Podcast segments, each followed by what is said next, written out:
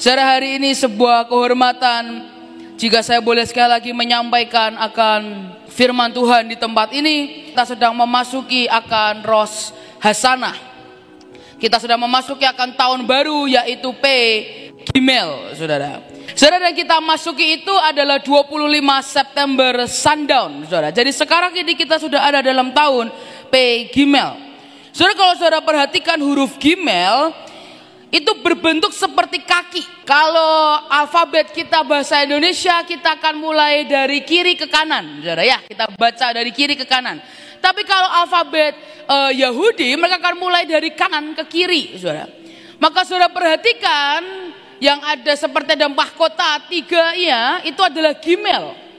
Dan mereka berkata itu seperti kaki yang sedang berjalan menjauh dari bet atau menjauh dari huruf bet dan menuju ke dalet yang artinya sebuah pintu rumah, Saudara. Dan ada banyak yang mentafsirkan mereka berkata, ini waktunya masa yang baru berpindah dari hal yang belum permanen atau yang sementara menjadi permanen, Saudara. Tapi ketika saya berdoa, Tuhan, apa yang menjadi pesanmu buat setiap anak-anakmu. Dan tiba-tiba Tuhan cuma berkata, nak, memang ada masa yang baru akan kuberikan dalam hidupmu. Akan ada begitu new era, new season yang akan Tuhan berikan di tengah-tengah kita. Tetapi Tuhan berkata, jangan lari atau jangan pergi dari rumah roti. Saudara, bed artinya memang kemah, tapi bed artinya juga rumah. Itulah kenapa Bethlehem artinya adalah rumah roti. Mari kita buka sama-sama Rut 1 ayat yang pertama sampai ayat yang kelima. Rut 1 ayat yang pertama sampai ayat yang kelima.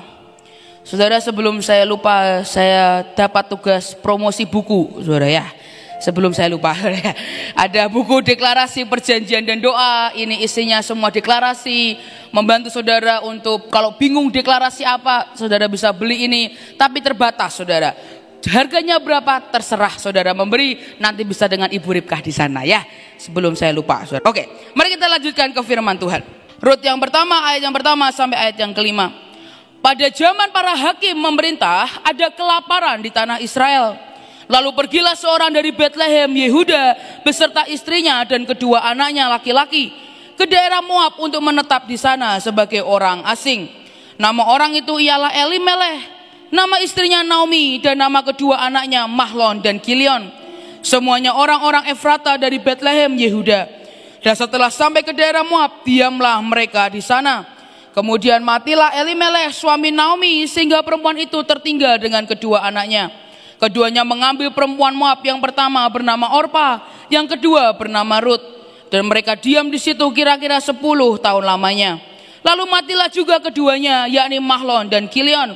Sehingga perempuan itu kehilangan kedua anaknya dan suaminya. Saudara arti nama Elimelech adalah My God is King. Tuhanku adalah seorang raja. Dan ketika kita berkata menetap sebagai orang asing dalam bahasa Ibrani-nya itu sojum. Kayak bahasa Korea tapi bukan, Saudara. Itu bahasa Ibrani yang artinya to sing, tenggelam, fear, ketakutan, to stir up trouble atau membangkitkan persoalan, Saudara. Jadi ketika kelaparan itu melanda, Elimelech yang artinya my God is king, justru lari dari rumah roti dan tinggal sebagai orang asing yang ketakutan dan tenggelam dalam persoalannya sendiri. Saudara, tapi ketika itu Tuhan berkata sekali lagi jelas dalam hidup saya, jangan tinggalkan rumah roti. Karena kenyataannya banyak orang Kristen lari adalah solusi pertama yang akan kita lakukan ketika masalah itu ada dalam hidup kita. Yakub adalah orang yang sama. Yakub ketika dia menghadapi masalah dengan Esau yang dia lakukan dia pergi, dia kabur. Tapi hari itu bahkan sampai Tuhan bergulat dengan Yakub. Tuhan pukul pangkal pahanya. Supaya apa? Yakub tidak bisa lagi pergi. Tapi mau tidak mau Yakub harus menghadapi akan Esau. Dan sekali lagi Tuhan ciptakan kita menjadi seorang yang lebih dari pemenang. Dan dia mau berkata, nah ada begitu banyak hal, jangan lari, tapi hadapi bersama dengan siapa? Dengan Tuhan, saudara.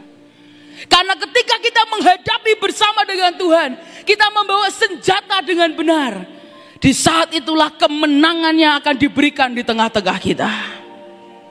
Hari itu Yakub dia bergulat dengan Tuhan. Tuhan ubah namanya. Ada sesuatu yang Tuhan ubah dari dalam.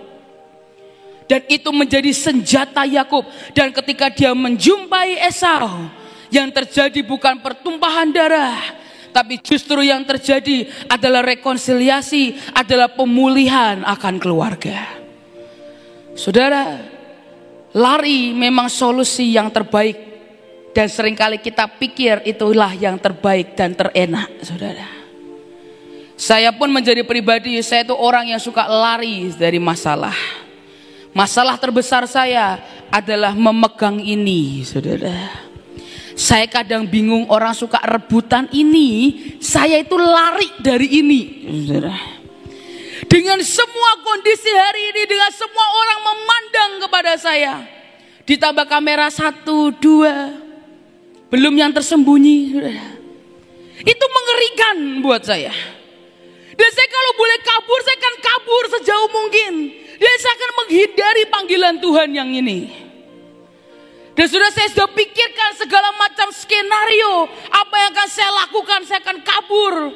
Saya sudah tata hidup saya, saya akan kabur dengan sekuat tenaga saya. Tapi sekali lagi, itulah kasih Tuhan. Kasihnya tidak akan pernah berhenti mengejar kita. Bahkan kita sampai di ujung dunia pun. Kasihnya tidak akan pernah terlambat untuk menangkap kita. Dia tangkap saya. Dan dia buat saya dengan keberanian. Bukan keberanian terhadap kemampuan saya. Tapi seperti yang di Alkitab berkata. Confidence in Christ. Engkau percaya bukan karena dirimu. Tapi karena Tuhan yang memampukan engkau. Dan Tuhan paksa saya menghadapi ketakutan terbesar saya, menghadapi masalah terbesar saya. Tuhan paksa saya dengan cara apa? Tuhan bawa pulang papi saya. Saya masih ingat Jiripkah datang ke saya dan dia sodorkan jadwal dua tahun. Saudara. Dia bilang, sah, ini sudah dikurang-kurangin dari orang yang akhirnya cancel karena papi udah nggak ada. Tapi sisanya minta kamu, sah, yang harus menggantikan jadwal khotbah papahmu. Sudah percayalah itu perut saya mules tidak karu-karuan. Saya bilang gini Tuhan, saya ini gak bisa apa-apa. Saya bilang, saya khotbah cuma waktu pertama kali khotbah cuma dua menit. Saya bilang, saya pernah khotbah sampai 40 menit, saya turun. Ibu-ibu datang ke saya dan bilang, saya kamu tuh khotbah apa? Saya cuma saya juga nggak ngerti saya khotbah apa. Yang penting lamaan dari dua menit. Saya kaget anak muda, saya maju, doain altar kalau gak ada yang mau maju. Saudara. Saya masih ingat dengan Bevis saudara berdua. Saya udah ayo maju didoakan dari bahasa kasih sampai ngancem. Saudara. Ini mungkin terakhir kalinya kamu akan ketemu dengan Tuhan. Tapi tetap gak ada yang maju. Saudara. Saya pernah kaget kesembuhan ilahi. Dan tidak ada yang sembuh. Ya sembuh encok pegelinu, ya. Sembuh. Tapi yang lain gak sembuh. Dan sekali lagi saya punya begitu banyak hal untuk berkata Tuhan izinkan aku untuk lari dari ini. Tapi sekali lagi Tuhan mau kita menjadi seorang yang lebih dari pemenang. Menaklukkan dan memenangkan masalah demi masalah. Bukan dengan kehebatan kita, tapi karena Tuhan, saudara. Dan sering kali mungkin dalam hal yang begitu ada orang lagi yang suka lari dengan mungkin kau berkata ini kurang nyaman aku lari saja. Mungkin kau seperti hari itu seperti Eli Meleh di mana hari itu dia melihat kelaparan sedang melanda. Dia takut miskin, dia takut lapar dan dia memutuskan untuk lari dan pergi. Dan dia berharap pergi dari rumah roti membuat dia mengalami pembalikan keadaan dalam hidupnya. Tapi saudara, inilah yang saya pelajari yang Tuhan katakan, nah, yang sebenarnya dibutuhkan untuk membalikan keadaan adalah kesetiaanmu dengan Tuhan. Sebuah kesetiaan itulah yang akan membuat pembalikan keadaan terjadi dalam hidup setiap kita. Rut 1 ayat yang ke-21a. Naomi berkata dengan tangan yang penuh aku pergi, tetapi dengan tangan yang kosong Tuhan memulangkan aku. Saudara ini sebuah tanda bahwa keluarga Elimelech meninggalkan Bethlehem itu tidak dengan tangan kosong atau kondisi miskin, saudara. Dengan tangan penuh mereka pergi. Artinya mereka sedang berkecukupan. Dan mereka berpikir jika aku lari dari Bethlehem, aku lari dari rumah roti, pembalikan keadaan akan terjadi dalam hidupku. Padahal sebenarnya jika dia setia saja, maka dia punya potensi untuk mengalami pembalikan keadaan dalam hidupnya. Kok tahu sah? Karena 10 tahun kemudian muncullah Boas. Seorang yang paling kaya raya di mana? Di Bethlehem. Artinya kelaparan di Bethlehem itu tidak berlangsung lama, saudara. Tapi hari itu mereka sudah terburu-buru mereka keluar dari Bethlehem karena ketakutan untuk menjadi miskin. Tapi apa yang terjadi? Dengan tangan kosong Tuhan memulangkan mereka ke Bethlehem. Artinya harta pun habis, nyawa pun habis, saudara. Hari ini saya tidak tahu Bethlehem apa yang sedang Tuhan tetapkan dalam hidupmu. Dia akan memberikan masa yang baru, yes. Tapi ada Bethlehem, Bethlehem di mana Tuhan berkata, "Nak, jangan lari dan pergi meninggalkan Bethlehemmu." Mungkin ini bukan hanya bicara tentang kota, tapi mungkin juga bisa bicara tentang pelayanan, pekerjaan atau apa pun yang hari ini sedang Tuhan percayakan dalam hidupmu. Dia mau berkata, nak, jangan tinggalkan Bethlehemmu. Karena ketika Tuhan sudah menetapkan tempat di mana kita tinggal, suatu saat ada berkat yang berkata menjadi makmur dan masyur. Itu yang akan menjadi bagian kita. Tapi jangan tinggalkan Bethlehemmu. Saudara, apa buktinya kesetiaan itu bisa membuat ada pembalikan keadaan dalam hidup kita? Adalah Ruth, saudara. Ruth menjadi pribadi yang terkenal dengan kesetiaannya. Dia harus tinggal, dia tidak memilih untuk tidak meninggalkan akan Naomi yang pahit. Saudara tinggal sama orang pahit itu nggak mudah loh saudara. Saudara ngomong dikit gak maksud bisa sensitif, bisa marah. Saudara gak bermaksud jahat, bisa dipikir jahat. Saudara, oh, ketika kau tinggal dengan orang yang pahit itu gak mudah. Tapi hari turut memilih untuk tinggal dan setia kepada Naomi yang kondisinya udah miskin, udah tidak punya anak laki-laki lagi, tidak punya apa-apa lagi, cuman ada janda yang sedang kepahitan. Tapi apa yang terjadi? Kita bukankah kita melihat Ruth menikah dengan bos dan menjadi orang yang paling kaya di mana? Di Bethlehem. Apakah seharusnya Ruth berhak untuk menerima itu dan mengalami itu? Enggak, saudara. Dia perempuan Moab yang seharusnya tidak bersentuhan dengan Allah. Tapi hari itu karena kesetiaannya membuat ada pembalikan keadaan dalam hidup Ruth dari seseorang yang tidak berhak menerima apa pun. Tapi dia akhirnya menerima begitu banyak. Di mana? Di Bethlehem. Dan justru Naomi dan Elimelech yang seharusnya menikmati itu karena dia berasal dari Bethlehem. Akhirnya tidak menerima apa pun. Dan hari ini sekali lagi saya mau berkata, dibutuhkan kesetiaan untuk membalikkan keadaan. Banyak orang Kristen juga tidak mau bertahan dalam iman. Karena sering kali yang kita kejar itu bukan Tuhan tapi materi, saudara. Dan inilah kebenaran yang kita perlu mengerti. Begitu kita tujuan kita mengejar uang, tujuan kita mengejar materi, engkau sedang membuat manusia rohmu sedang kelaparan, saudara. Ketika yang kau kejar bukan Tuhan. Ketika yang kau kejar adalah sekedar materi. Engkau akan menjadi pribadi yang mudah keluar dan keluar dan lari meninggalkan Bethlehem.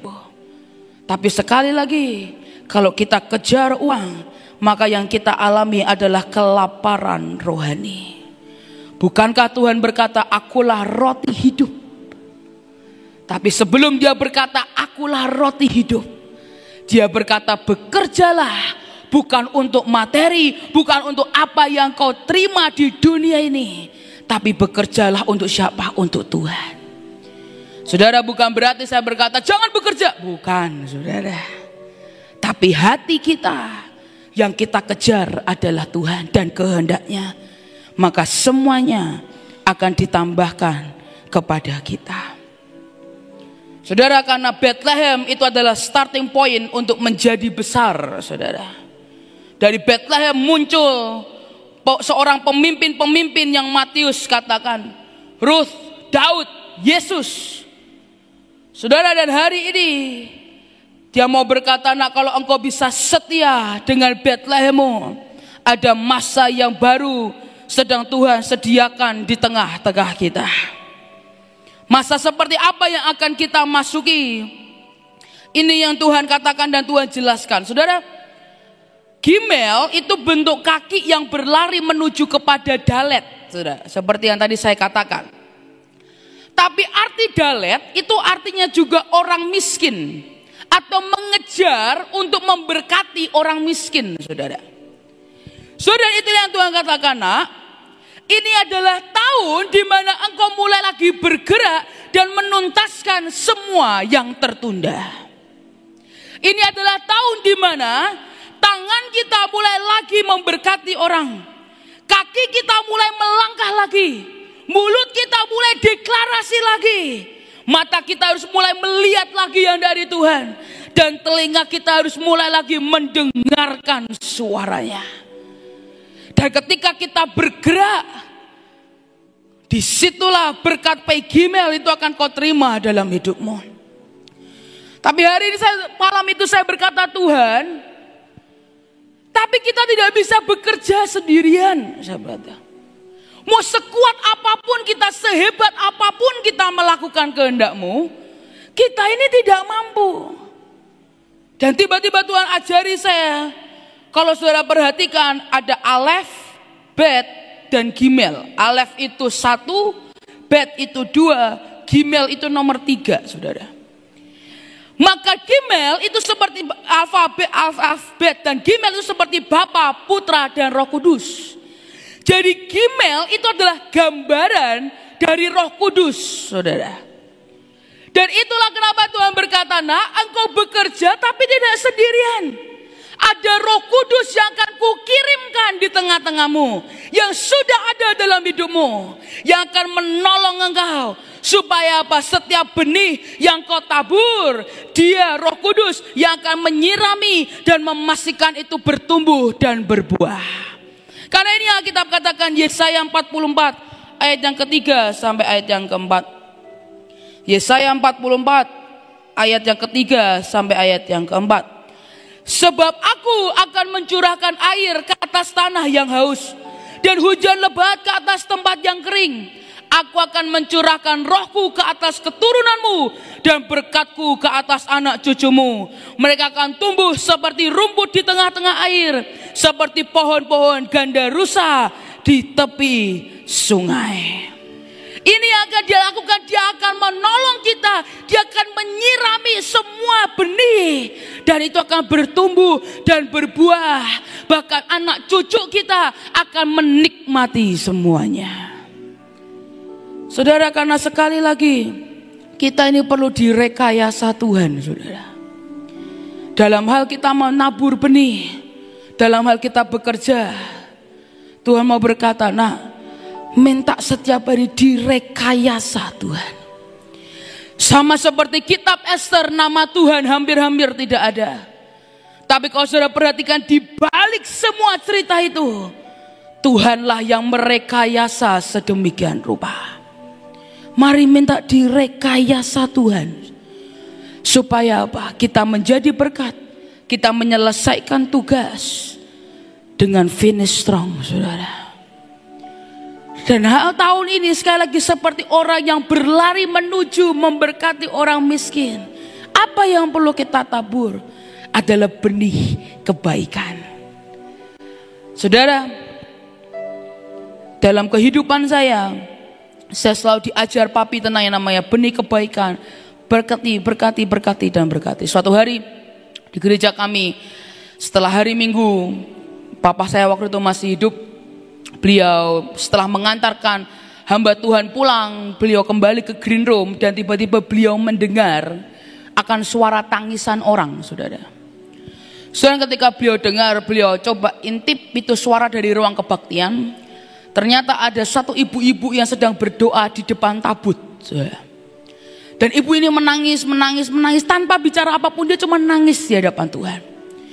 Saya lupa papa saya kirim siapa, tapi papa saya minta salah satu anak buahnya tolong kamu cek kenapa ibu itu. Dan setelah dicek, ternyata ibu ini cuma punya waktu besok sebelum dia kemudian akan dikeluarkan dari kos-kosannya, saudara. Dan dia berkata, saya nggak punya uang, anak saya nggak tahu di mana, suami saya tidak tahu di mana. Tapi saya sudah tidak punya tidak punya uang untuk bayar kos-kosan besok. Dan ibu ini berkata, tapi aku memilih untuk mencari Tuhan. Saudara dan hari itu bisa saja papa saya tidak mendengar, saudara. Bisa saja tidak ada orang yang tahu, bisa saja pintu itu tertutup, saudara. Tapi hari itu Tuhan merekayasa sedemikian rupa. Dan hari itu Tuhan gerakkan papa saya berkati ibu itu. Dan ibu itu diberkati, saudara. Dan dia berkata, terima kasih Pak, saya tidak perlu keluar dari kos-kosan saya. Saudara hari itu saya masih ingat papa saya lihat saya dan bilang sah. Jangan berhenti untuk menjadi tangan dan kaki Tuhan. Jangan berhenti untuk menjadi mata dan telinganya. Saya bilang maksudnya apa? Wi? Dan bapak saya mulai berkata, jangan tutup matamu ketika engkau lihat orang susah. Jangan tutup telingamu kalau Tuhan izinkan engkau mendengar ada yang mengalami dibutuhkan. Dan jangan hentikan tanganmu Jangan kunci tanganmu untuk memberkati kalau engkau tahu Tuhan suruh kamu untuk memberkati. Saudara itu saya pegang, saudara. Tapi hari demi hari saya mulai jalan dengan Tuhan. Saya mulai menyadari bahwa menabur benih pun itu harus dalam ketepatan, saudara. Dan siapa yang bisa memberitahu kita? Roh Kudus. Apakah tanah itu kerikil? Apakah tanah itu gersang? Siapa yang bisa kasih tahu? Cuma Roh Kudus. Sedang suatu hari entah bagaimana berita itu sebar ke mana-mana bahwa saya ini suka nolong orang. Rumah saya suka didatengin orang lah, handphone nomor handphone saya disebarin dan segala macam. Dan suatu saat tiba-tiba ada satu ibu-ibu dia kontak saya lewat Instagram lah atau apa saya lupa. Dan dia berkata, saya, saya habis kepleset. Saya bilang, kaki saya sakit, saya gak bisa jalan.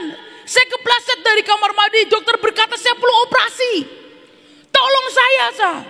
Saudara dan hari itu saya nggak selalu buka Instagram itu chattingan panjang lebar, saudara. Sa sa sa sa sa kok zaman dulu kan ping ping ping ping ping ya, ya. Sekarang manual sa sa sa sa sa panjang, saudara. Sampai suatu saat setelah itu saya berdoa, saya buka, uh, panjang dia bilang. Saya coba dan saya tanya ke Roh Kudus Tuhan, Roh Kudus ini diberkati atau enggak? Tolong atau tidak? Sudah buat orang begini sakit, uangnya kecil tolong nggak bisa gitu, saudara. Karena saya tahu semua yang saya punya hari itu karena Tuhan. Dan kalau saya sembarangan dan saya tidak tanya dia, saya bermasalah dengan Tuhan, saudara. Dan hari itu saya tanya Roh Kudus, ini ditolong atau tidak? Dan tiba-tiba Roh Kudus begini, tolong. Saya berkata saya tidak jawab apa pun, saya cuma transfer sat sekian, saudara. Setelah selesai, dua hari kemudian tiba-tiba ibu yang sama kontak saya lagi. Dan dia berkata, sah, saya mau pengakuan dosa. Wih, saya bilang, kenapa ini? Saya bilang, lu ibu kemarin sudah operasi. Sebenarnya kaki saya tidak kenapa-kenapa. Jadi saya, saya diam saya cuma kaget, saya cuma baca, saya cuma diam. Saya bilang, jadi maksudnya gimana bu? Iya, Saya jatuh bener, tapi kakinya nggak kenapa-kenapa. Saya tanya, nggak perlu operasi? Nggak perlu. Saya tanya, terus uangnya kemarin bu? Saya bilang, iya saya itu bohong. Karena sebenarnya buat bayar kos-kosan rumah saya. Jadi bener kok saya itu saya karena saya butuh. Tapi saya bohong alasannya saya bilang kaki saya sampai saya nggak bisa jalan. Terus saya dalam hati, kok tumben ngaku? Saya sendiri tiba-tiba dia cerita, iya saya mau minta ampun sah. Kenapa? Karena hari ini saya benar-benar tidak bisa jalan. Saya nggak jatuh, nggak kenapa-kenapa, tiba-tiba bangun nggak bisa jalan. Dan roh kudus bilang kamu bohongi anakku. Saya cuma ketawa saudara dan saudara saya nggak minta, yaudah minta balik uangnya. Enggak karena emang dipakai saudara buat bayar kos-kosan. Saya nggak minta uangnya. Tapi dia minta maaf, dia minta ya bilang saya bu bertobatnya sama Tuhan. Saudara sekali lagi sekalipun mungkin saudara orang yang kita tolong ini maksudnya jahat. Tapi kalau kita ikut roh kudus, entah bagaimana itu direkayasa sedemikian rupa. Sampai bisa hal seperti itu. Itulah kenapa papi saya suka bilang gini. Kutuk itu sering kali bukan dari luar. Tapi gara-gara siapa? Diri kita ini loh saudara. Ada banyak orang kadang ke sekolah dan berkata, saya gak punya uang. Padahal punya uang. Tapi engkau sedang apa? Mengutuki dirimu sendiri bahwa engkau orang miskin. Sudah sejak itu saya sungguh-sungguh belajar yang namanya menabur, melakukan bekerja itu tepat seperti yang Tuhan mau, saudara. Karena saya tahu jika tidak ada roh kudus yang menolong saya, maka semua benih itu akan menjadi sia-sia, saudara. Tapi kalau roh kudus yang menolong kita, dia yang akan menyirami, memberikan pupuk dan memastikan itu bertumbuh, bahkan berbuah sampai ke anak cucu kita. Dan kalau saudara perhatikan, Gimel itu kaki yang berlari, saudara. Saudara dan kalau saudara perhatikan ada satu kisah seorang yang karena kebaikannya membuat apa unta-untanya datang. Siapa itu? Ribka. Ibu Ribka yang ini juga, saudara. Saudara perhatikan Ribka, Ribka itu menolongnya dengan ketepatan, saudara. Dia nggak cuma tolong Eliezer, dia tolong unta-untanya. Saudara hari itu yang saya lihat di Alkitab dia itu berlari apa itu pegimel saudara. Dia berlari menolong. Ini yang Alkitab katakan. Kejadian 24 ayat yang ke-20. Dalam terjemahan NET dikatakan she quickly emptied her jug into the watering trough and run back to the well to draw more water until she had drawn enough for all of the camels. Alkitab berkata dia dengan cepat mengosongkan semua jaknya, semua apa pun yang dia bawa, dan dia lari ke sumur, dia ambil, dia kembali lagi. Setelah selesai dia lari lagi, isi lagi kembali ke untanya. Kok saya bisa tahu? Saudara karena saya tahu itu nggak bisa sekali ronde. Saudara. Unta itu, saudara, ini saya sampai riset. Saudara. Saya mau tahu Ribka tuh bolak baliknya berapa kali. Saudara. Unta itu sekali minum 130 liter. Sekali minum. Ada berapa unta? 10 unta. Artinya 1300 liter. Cobalah dikilokan, saudara. Gak mungkin Ribka cuma sekali udah bisa memenuhi 10 unta, gak mungkin. Dia lari, dia dengan cepat, dia menolong dengan sekuat tenaga all out. Bahkan dia lakukan beyond her duty. Dia gak punya kewajiban kok untuk menolong unta-untanya. Untanya juga gak mungkin marah kan sama Ribka. Kok kamu cuma kasih minum Eliasar kok aku gak? Kan gak mungkin unta-unta marah. Tapi hari itu apa yang Ribka lakukan pay gimel. Dan gimel itu juga artinya unta. Dan hari itu karena kebaikannya dia berlari menolong dalam ketepatan. Membuat akhirnya unta-unta itu menjadi milik Ribka, saudara. Dan Ibu Ribka yang ini menggenapi kisah yang di Alkitab, saudara. Saya tuh kalau lihat si Ribka nolong orang ya, saudara. Saya tuh kadang sampai gini, Ci, emang perlu gitu banget ya? Udahlah Ci, gak usah sampai gitu banget, kan udah dibantu dikit. Saya pun belajar sampai hari ini, saudara. Dan jawaban si Ribka selalu berkata, gak bisa gitu, saudara. Kita harus tolong yang penuh, yang benar, yang nolong. Saudara, kalau saudara tahu Ibu Ribka itu suka jualan donat. Ya, saudara. Kentang donat. Yang tidak akan membuat batuk. Saudara. Saudara, kalau saudara tanya apakah itu menghasilkan, menguntungkan. Seringkali enggak. Kenapa? Uangnya dipakai untuk memberkati orang. Donatnya dikirim, dikirim buat berkati orang. Padahal orangnya pun enggak minta. Tapi apa yang saya lihat dari Ibu Ribka, saya lihat unta-unta itu datang dalam hidupnya. Dengan semua berkat Tuhan saya lihat bagaimana setiap kali Ribka butuh selalu pas diberi. Hidup pas-pasan dengan Tuhan itu enak. Pas butuh, pas ada. Dan itulah saya melihat dan itu buat saya belajar nolong orang gak beli setengah-setengah. Ada ibu Ribka, anaknya bukan Yakub, Heidi, saudara yang di sini. Suatu hari saya lagi pergi pelayanan tiba-tiba Cikesha kirim saya foto Heidi lagi ngajari Silverman. Sudah tahu Silverman? Yang biasanya di pinggiran ngamen tuh loh saudara. Mereka cat diri mereka pakai silver. Sebutannya Silverman. Salah satu Silverman tempat di Semarang itu murid kami saudara. Karena kami baru buka PKBM dan PAUD saudara kami tolong anak-anak yang putus sekolah yang memang mereka tidak punya uang untuk sekolah. Saudara bahkan kami tolong anak-anak saudara yang karena dia tidak bisa sekolah dia cosplay jadi murid. Tiap pagi dia pakai sepatu, pakai kos kaki, pakai baju mirip-mirip kayak seragam. Dia pakai tas, dia duduk di meja, dia pura-pura nulis, padahal dia nggak bisa nulis. Dan dia tidak bisa sekolah karena tidak ada sekolah yang mau terima dia. Kenapa akte lahir nggak punya, saudara? Kakak nggak punya. Orang tuanya entah berantah di mana. Kami tolong anak-anak yang seperti itu, saudara. Dan salah satunya adalah Silverman ini, saudara. Dan hari itu saya dikabari bahwa Silverman ini nggak datang sekolah, saudara. Karena dia ingin cari uang dan bukan belajar. Sudah saya kaget kalau guru-guru yang lain ya udahlah dianggapnya absen. Hedi saudara, dicari seluruh Semarang bayangin saudara. Ketemu di depan mall Paragon. Lagi ngamen saudara, ambil Silverman. Akhirnya dibawa ke taman, saudara. itu benar-benar di depan mall di tengah-tengah jalan raya didudukin di taman, belajar di depan mall. Saudara ketika saya lihat itu Tuhan berkata nak yang seperti ini loh nak.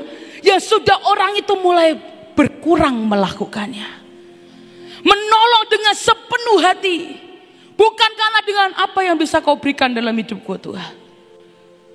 Tapi dia berkata nah aku sedang menunggu orang-orang yang menolong sesamanya yang mengizinkan hatinya digerakkan oleh Roh Kudus dan mulai menabur benih. Karena Tuhan berkata orang-orang yang seperti itulah yang akan membuat dia menerima gimel dalam hidupnya. Unta-unta akan datang dalam hidupnya. Berkat Tuhan akan datang dalam hidupnya.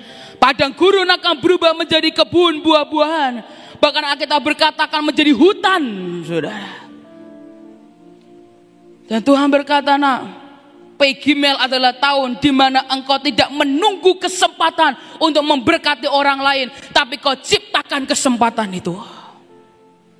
Engkau ciptakan kesempatan untuk memberkati orang. Engkau ciptakan kesempatan untuk menjadi berkat. Kapan pun roh Tuhan mengarahkan kita. Karena seperti yang di Yesaya 61 dia berkata roh Tuhan Allah ada padaku. Oleh karena Tuhan telah mengurapi aku. Kenapa saudara? Tuhan tuh kirim roh kudus dalam hidup kita. Kita berkata ia telah mengutus aku untuk menyampaikan kabar baik kepada orang-orang sengsara dan merawat orang-orang yang remuk hati. Untuk memberitakan pembebasan kepada orang-orang tawanan dan kepada orang-orang yang terkurung kelepasan dari penjara. Menjadi berkat bukan hanya sekedar materi, tapi bagaimana hidupmu menjadi instrumen untuk menyampaikan kabar baik di mana pun engkau berada.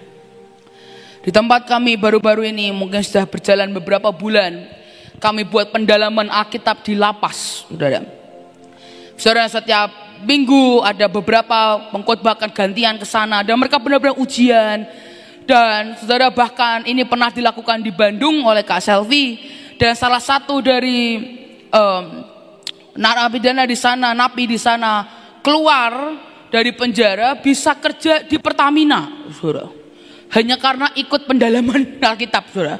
Dapat sertifikat itu ternyata luar biasa, saudara, kalau di lapas. Saudara. Kita coba tolong mereka, kita bantu mereka, kita buat pendalaman Alkitab dan sebagainya. Saudara dan hari itu tiba-tiba itu muncul di koran, saudara. Dan di bagian atas di koran itu tertulis akan terjadi mutilasi yang barusan terjadi di Semarang, saudara. Dan itu terjadi dekat di kami. Tapi di bawahnya, kalau saudara lihat di sini tulisan 11 napi lapas terima sakramen baptis. Dan saudara akan lihat Pak Thomas di sana, saudara. Dan hari Tuhan berkata, nak, iblis akan menggembangkan kekejian. Iblis akan memberitakan kabar buruk. Iblis akan memberitakan terus ketakutan. Karena iblis tahu ketakutan itu menular. Tapi saudara harus mengerti iman pun itu menular saudara. Dan hari Tuhan berkata, nak meskipun iblis mencoba memberitakan yang buruk. Pastikan dunia juga mendengar nama Yesus sedang dipermuliakan. Pastikan dunia juga mendengar bahwa ada orang-orang yang bertobat dan datang kepada Tuhan. Sekali lagi saya sungguh berdoa ini bukan waktunya untuk diam. Tapi ini waktunya untuk kita bergerak. Ini waktunya untuk kita terus mencari Tuhan dan kehendaknya. Apa yang dia mau, kau diarahkan ke kanan, kau ke kanan, ke kiri, ke kiri. Dan tanpa kau sadari ada hati raja yang akan tumbuh dalam hidupmu. Karena kita berkata hati seorang raja adalah hati yang mudah diarahkan ke mana pun tuannya mau dia pergi. Dan saya sungguh berdoa biar di tahun ini mari jangan berdiam diri lagi. Mari mulai aktif dan lakukan apa yang roh kudus perintahkan. Dan ketika engkau lakukan itu, maka engkau akan lihat pembalikan keadaan terjadi dalam hidupmu. Saudara, tapi tahun Gimel itu artinya juga unta, saudara. Unta tidak hanya berkata tentang berkat dan kelimpahan, tapi juga tentang pembekalan selama di padang gurun, saudara. Menjadi kuat di padang gurun. Saya akan tutup dengan ayat ini, Yohanes 4 ayat yang ke-14. Yohanes 4 ayat yang ke-14. Tetapi barang siapa minum air yang akan kuberikan kepadanya, ia tidak akan haus untuk selama-lamanya. Sebaliknya air yang akan kuberikan kepadanya akan menjadi mata air yang di dalam dirinya yang terus menerus memancar sampai kepada hidup yang kekal. Siapa mata air itu? Roh Kudus, Saudara. Dan pesan yang terakhir yang Tuhan bicara dalam hidup saya, dia berkata, "Nak, jangan biarkan mata airmu menjadi kering." Dan saya mulai tanya, "Tuhan, maksudnya apa? Kenapa mata air jangan sampai menjadi kering?" Tuhan berkata, "Nak, yang aku berikan mata air itu adalah sebuah seorang pribadi dalam hidupmu. Pribadi Roh Kudus. Jika engkau abaikan dia dan engkau tidak mendengarkan perintahnya, maka ada suatu waktu di mana kau akan temukan mata airmu ini menjadi kering, saudara. Engkau dengan pelayananmu engkau mulai terbiasa. Dengan semuanya engkau mulai terbiasa dan engkau mulai tidak lagi tanya Tuhan apa yang harus engkau lakukan. Engkau tidak lagi membiarkan dia menjadi guru dalam hidupmu. Engkau tidak lagi membiarkan dia menjadi pengarah dalam hidupmu. Dan tanpa kau sadari tiba-tiba mata air di dalammu akan menjadi kering. Tapi ketika engkau izinkan rohnya selalu ada dalam hidup kita. Kalau kau izinkan dia terus menjadi mata air yang membual-bual dalam kehidupan setiap kita. Itulah yang di Yesaya 32 dikatakan, maka padang gurun akan menjadi kebun buah-buahan. Dan kebun buah-buahan itu akan dianggap hutan. Akhirnya artinya setiap kali dunia berkata resesi, kita akan mengalami pesta raja-raja yang dari Tuhan. Dunia boleh berkata ini masa kegelapan, kita akan melihat apa terang Tuhan bersinar dengan luar biasa. Orang berkata padang gurun yang kita lihat adalah kebun buah-buahan. Bahkan hutan. Bukan lagi cuman kebun. Tapi sampai hutan buah-buahan. Artinya itu terlalu lebat. Sampai disebut hutan saudara. Tapi hari ini saya berdoa. Mari jangan biarkan rutinitas membuat mata air kita menjadi kering saudara. Saya akan tutup dengan cerita ini. Saudara dalam kehidupan saya, dalam perjalanan pelayanan saya, saya mengucap syukur Tuhan mempercayakan begitu banyak hal. Tapi salah satu yang Tuhan percayakan dalam kehidupan saya adalah Tuhan izinkan saya khotbah dari satu tempat ke satu tempat yang lainnya, saudara. Dan saya pernah mengalami masa-masa di mana selama seminggu atau dua minggu itu setiap hari saya khotbah. Saudara percayalah dalam ketika kondisi itu saya bukan khotbah di satu satu kota. Saya pindah dari kota ke kota, kota ke kota, kota ke kota, saudara. Dan dalam perjalanan itu sering kali saya letih, saya capek. Badan saya capek, membuat akhirnya saya tidak lagi tanya dengan Roh Kudus. Saya akan khotbah hal yang sama, sama, sama, sama, sama seminggu, saudara. Sampai saya hafal ayatnya, saudara. Nah seminggu saya akan khotbah hal yang sama. Tapi suatu hari tiba-tiba saya mulai kerasa ada yang aneh di hati saya. Saya mulai ngerasa ada yang kosong. Dan di saat itulah tiba-tiba Tuhan datang dan Tuhan berkata, nak, mata airmu mulai menjadi kering. Saya kaget. Rutinitasmu membuat mata air dalam hidupmu itu mulai menjadi kering. Saudara saya ambil waktu saya masuk ke kamar. Saya tutup pintunya. Saya tidak mau diganggu dengan siapa pun. Saya matikan handphone saya. Saya datang ke Tuhan. Dan saya berkata, Tuhan ampuni saya. Hanya karena saya tidak mau susah sedikit. Hanya karena saya tidak mau mengejar hatimu lagi. Hanya karena saya capek membuat saya khotbah hal yang sama. Dan saya tidak lagi mulai mendengarkan suara Tuhan. Dan hari itu saudara saya sungguh-sungguh bertobat sampai setiap sejak itu sampai hari ini. Saya tidak pernah tahu saya akan khotbah apa, saudara. Sampai saya duduk di tengah. Saudara, saya tahu saya akan menyusahkan media, saya tahu, saudara. Karena hampir semua tiap kali saya ke gereja, e, mau khotbah apa? E, belum tahu, nunggu lima menit bisa ya? Saya bilang. Lima menit apa? Sebelum saya naik, saya bilang. Nanti saya kasih. Saya bilang. Tapi bisa aja mungkin gak ada PPT-nya, gak apa-apa ya. Nanti bantuin munculin ayat, saya bilang. Karena saya tahu rasanya begitu ada sedikit aja, mulai kering. Itu kerasa ada yang kosong di sini. Dan sejak itu saudara, setiap kali saya khotbah di mana pun mau saya secapek apa pun, saya berkata Tuhan apa yang engkau mau. Saya siapkan semuanya, tapi yang mana yang engkau mau. Saya yang percayalah, ada beberapa waktu dan sering kali waktu. Saya sudah duduk, saya sudah siapkan khotbahnya, bahkan saya sudah kasih PPT ke media, saudara. Begitu saya naik, tiba-tiba Tuhan berkata, ubah khotbahmu. Dan hari itu Tuhan cuma kasih satu ayat, satu kalimat. Selebihnya mengalir dengan roh kudus. Saudara sejujurnya buat mungkin orang yang belum pernah sharing kelihatannya itu hal yang ah, biasa aja. Tapi sejujurnya itu hal yang mengerikan. Tapi saya tahu mata air yang di sini tidak pernah kering, saudara. Itu selalu baru setiap hari. Bahkan hari itu mungkin saya nggak punya jadwal khotbah, tapi itu terus mengalir. Tiba-tiba berkata, nah ayo duduk belajar dengan aku, nah ayo duduk dengarkan suaraku. Nah ayo sagi sampaikan pesanku. Bukan lagi dengan semua teologi, tapi sampaikan pesanku. Nah, saudara itu membuat itu begitu nyata dalam hidup saya. Dan itu yang bakal sering kali membuat setelah saya khotbah, saya duduk, baru saya jawab, oh gitu maksudnya Tuhan. Tapi setiap hari saya menikmati jalan dengan dia. Dan itu yang membuat saya kuat. Sekalipun saya menghadapi padang gurun di sekeliling saya. Sekalipun kelihatannya semuanya begitu gersah. Saya tetap menikmati mata air dalam hidup saya. Bahkan saya bisa ambil sedikit dan jadi berkat untuk di kanan saya. Saya ambil sedikit buat orang di depan saya. Saya ambil sedikit untuk orang di kiri saya. Orang lain mengalami padang gurun, saya berendam di padang gurun.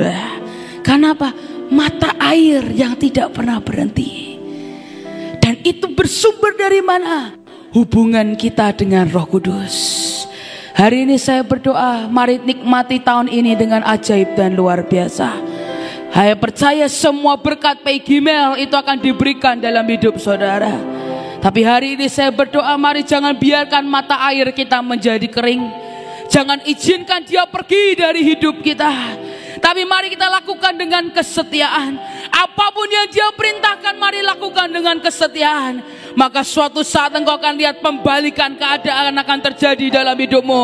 Engkau akan lihat pada gurun akan berubah menjadi kebun buah-buahan. Dan kau akan lihat anak cucumu akan menikmati semuanya. Dan kita percaya tahun ini unta-unta kita datang. Berkat dari seberang datang dalam hidup kita. Berkat-berkat orang fasik, harta kekayaan orang fasik akan datang kepada anak-anak Tuhan.